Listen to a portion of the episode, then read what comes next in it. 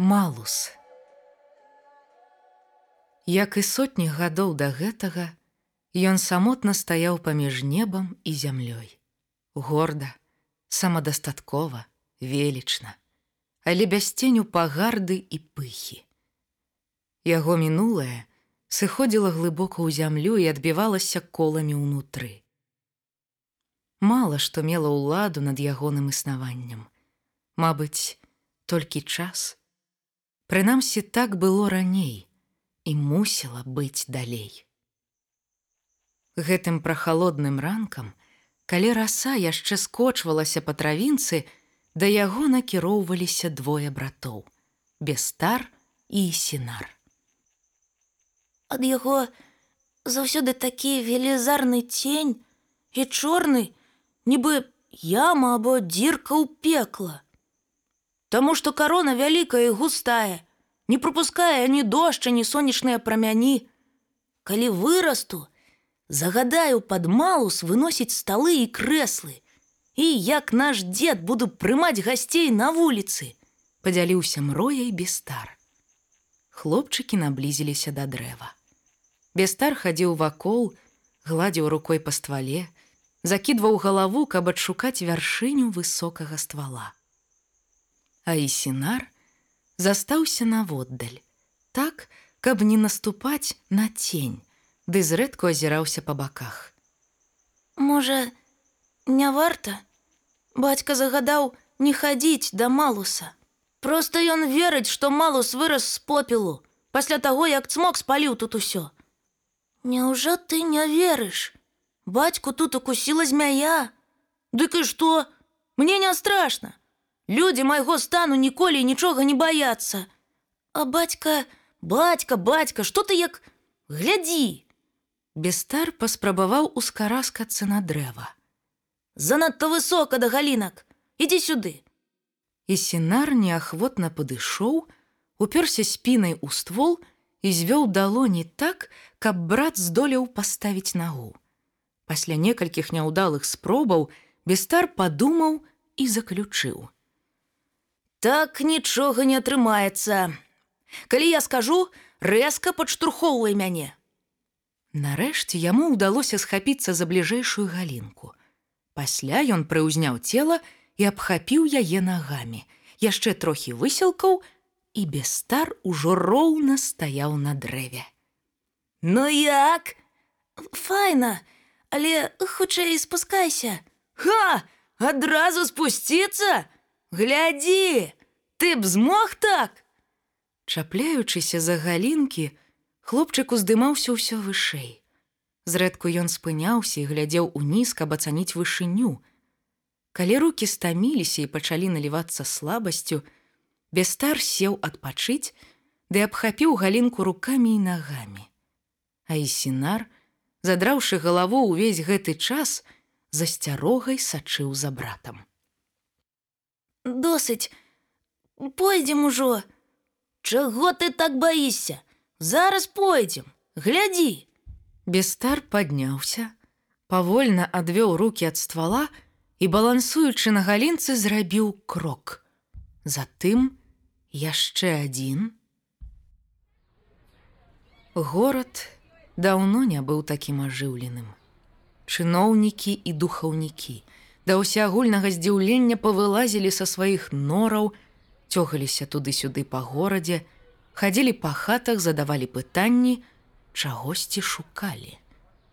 Пакуль улады былі занятыя сваімі справамі і знаходзіліся ў мітуслівых турботах, гараджане засталіся адны ў прачуванні чагосьці значнага. Людзі запаўнялі вуліцы, плошчы, рынкі, пераказвалі чуткі, дзяліліся здагадкамі. Былі і тыя, хто адмыслова прыязджалі з іншых гарадоў. То быў час асабліва павабны для рознага кшталту вар'ятаў, псеўдапрарокаў, блазнаў, бунтаўнікоў і злачынцаў. Немалую карысць мелі ад таго і гандляры, уладальнікі заезных двароў, бардэляў і шынкоў. Суд склікалі ў тэрміновым парадку.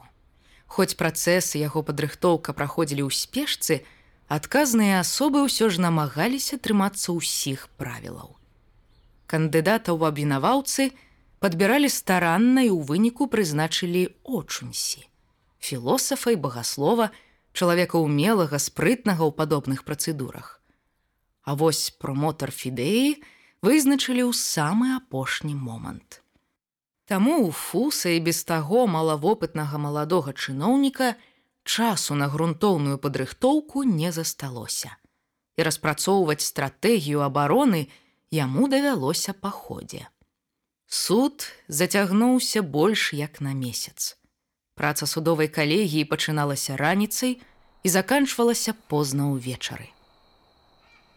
Очунсі, раз-пораз запрашаў выступіць усё новых і новых сведкаў. Так, напрыклад, старая служанка ўспамінала выпадак, калі хадзіла мыць адзежу на рэчку.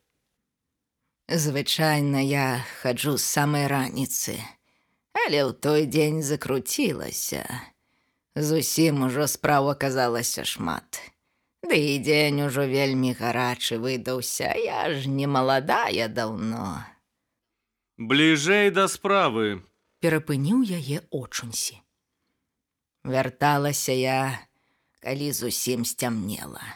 Стамілася, яшчэ ўсё назад несці, спіна баліць. Бліжэй да справы.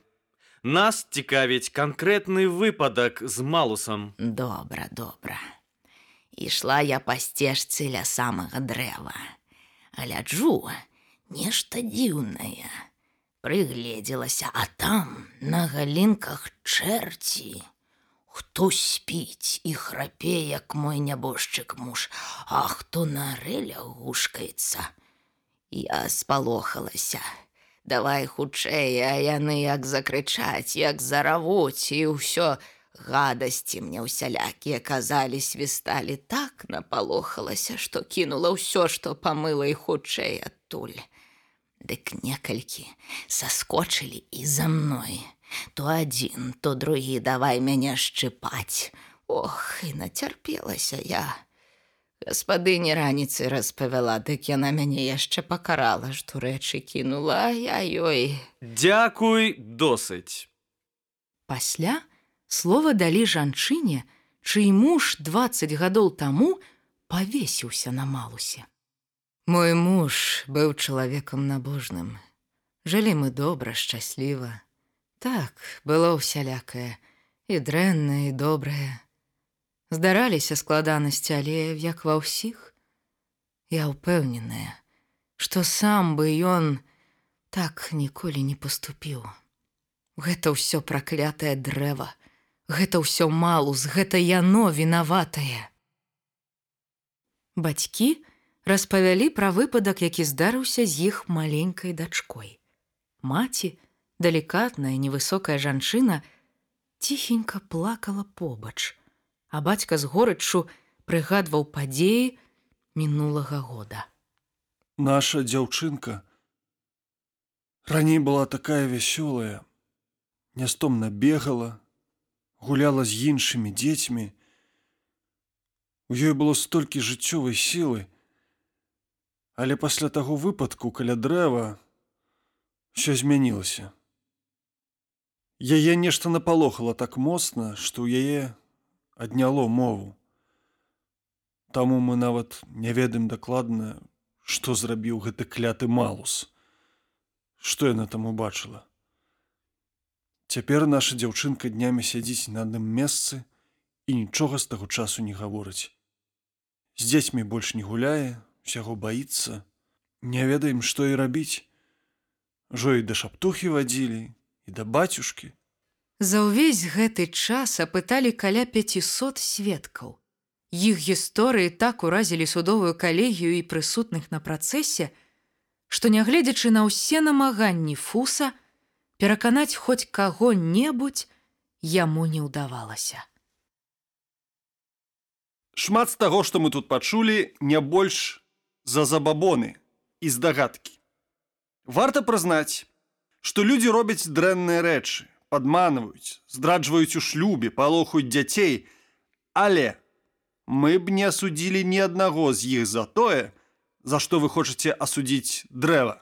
Фус нервова і дарэмна перабіраў свае запісы, зрэдку спрабуючы адшукаць вачыма падтрымку сярод прысутных. Мала таго, гісторыі, якія мы тут пачулі, сведчаць не супраць, але на карысць малуса. Дрэва проста стаіць, як і сотні гадоў да гэтага. Малус адзіны, хто нічога не робіць. Усё адбывалася толькі пры ўдзеле або назіранні чалавека. Я разумею, да чаго вы хіліце. Перапыніў яго очунсі. Не цягніце нас у бок. Не блытайце дэмагагічнымі разважаннямі. Мы судзім малус за канкрэтнае злачынства супраць царскай сям'і, а не за папярэднія выпадкі, пра якія тут пачулі. І спашлюся на вашыя ж аргументы. У дадзенай канкрэтнай справе Малус, па-першае, быў актыўным суб'ектам. Па-другое, ягонае злачынства з'яўляецца злачынствам супраць Бога. А па-трэцяе, за падобнае асудзілі б і чалавека. Сярод прысутных пачуўся вокліч жаху. Мала таго, што Малус кінуў з вялікай вышыні цэсарэвіча Бестара у спробе забіць яго, дык ён яшчэ скінуў цэсарэвіча на царэвіча і сінара. Нам, нашаму народу, пашанцавала. Бог уратаваў. Царэвічы ўсяго толькі паламалі руки, ногі, атрымалі калецтвы, але не загінулі. Гэта значыць, калі вы не разумееце, Малус спрабаваў забіць царэвічаў, а фактычна пакінуць нас, нашу дзяржаву без будучага цара. Але калі вам і гэтага мала, я працягну і запытаюся: Хто такі цар? Царская ўлада ад Бога, цар, прадстаўнік, намеснік Бога, І што як не замах на царскую сям'ю сведчыць пра тое, што Малус паквапіўся на ўладу Бога. І што як не гэта сведчыць пра д'ябальскае паходжанне гэтага дрэва. І якое ж у такім выпадку пакаранне мусіць чакаць Малуса. Штодня чуткі нібы марскі прыліў запаўнялі горад сведчанні пра працэс прасочваліся за дзверы суда нават раней, чым сканчалася яго праца. Кожны выступ, кожная гісторыя, годная хоць нейкай увагі перадавалася ад гараджаніна да гараджаніна, абрастаючы ўсё новымі падрабязнасцямі і сакрэтамі. Найбольш моцную хвалю здагадак і цікавасць выклікаў апошні выступ очунсі, пасля якога, нецярплівыя і згаладалыя па відовішчах гараджане прыступілі да актыўных дзеянняў.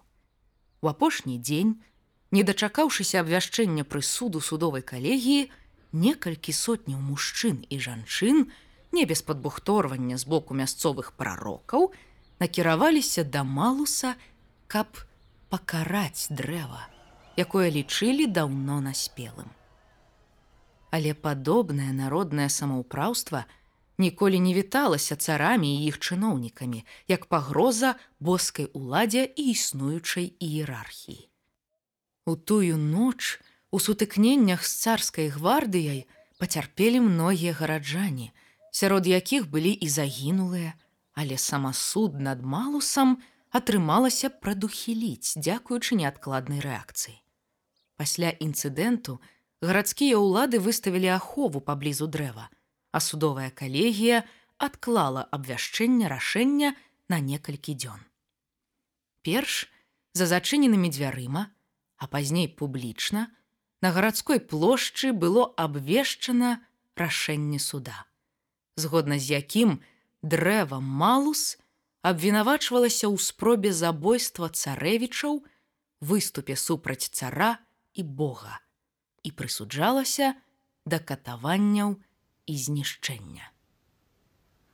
Як і сотні гадоў да гэтага, Малус самотна стаяў паміж небам і зямлёю. Горда, самадастаткова і велічна. На працягу некалькіх дзён трое катаў павольна вырывалі ў малуса па адным лісточку. Калі дрэва пазбавілі ўсёй яго зеляніны, узяліся за галінкі. Спачатку адламвалі зусім маленькія і кароткія, якія як дзеці цягнуліся ад больш буйных. Чым далей прасоўваліся каты да больш тоўстых галінак, тым больш высілка ў ім трэба было, і тым грубейшымі ды больш рэзкімі станавіліся іх рухі. Метадычны трэск адламання дрэва ператвараўся ў падабенства манатоннага стогну або крыку, Калі сіл чалавечых рук перастала хапаць, каты скарысталіся піламі, ад чаго працэс катаванняў асуджанага напоўніўся не толькі сумнымі, але ўжо і злавеснымі гукамі.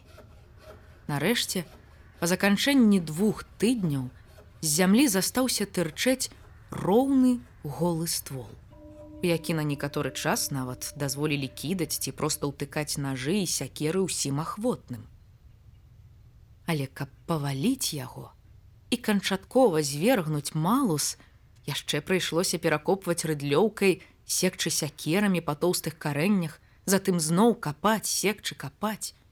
І так раз за разам. Мабыць, гэтая частка далася катам найбольш цяжка. Сваімі карэннямі дрэва ядналася з зямлёй так далёка і так глыбока, што нават калі, ад іх атрымалася аддзяліць ствол, прыйшлося перакапаць на некалькі дзясяткаў метраў усю глебу вакол, каб выцягнуць апошнія рэшткі д'ябальскай плоці. Але і тады яшчэ не ўсё было скончана. Каты пры дапамозе некалькіх падручных паклалі ствол на велізарныя козлы, каб падоўжыць экзекуцыю, наносячы хаатычныя пашкоджанні незаменчанымі гэблямі а пасля распілаваць яго на роўныя часткі. У завяршэнне каты раскалолі асвенчанай сякерай масіўныя калодачкі на палены. Увесь гэты час на гарадской плошчы рыхтавалася месца пакарання. Часткі малуса, лісце, галінкі, карані, ствол, пасечаны на палены, перавезлі калёсамі і звалілі ў гіганскую кучу. На працягу наступных трох дзён, гараджане прыходзілі да гэтага месца, каб праклясці, плюнуць або памачыцца на рэшткі дрэва. Усеагульнае ажыўленне і радасць у дзень пакарання смерцю нечакана, а змрочыў ранішні дождж, які да вечара перарос у лівень. Усялякія спробы распаліць агонь, ані да чаго не прывялі. І для гараджан гэта стала доказам таго, што д'ябал, да апошняга спрабуе абараніць уласнае спараджэнне. Канчаткова пакаранне ўдалося прывесці ў выкананне праз два дні. Калі дождж скончыўся, а драўніна трохі падсохла. Адзін з катаў абліў рэшткі дрэва гаручым і паднёс факел. Полымя ахапіла малус. Натоўп гараджан заліўся гулам. Адны люта выкрыквалі абразы, іншыя з палёгкай плакалі. Былі і тыя, хто шчыра радаваўся. За ўсім гэтым шумам немагчыма было пачуць трэск.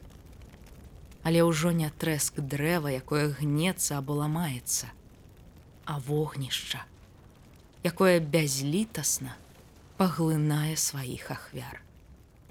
Увесь попел, які атрымалася з грэбсці, высыпалі ў глыбокую яму.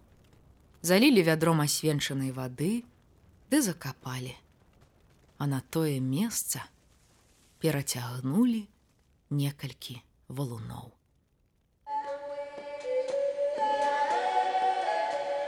Маус. Мастацкі падкаст па тэксце кірыла стаселькі.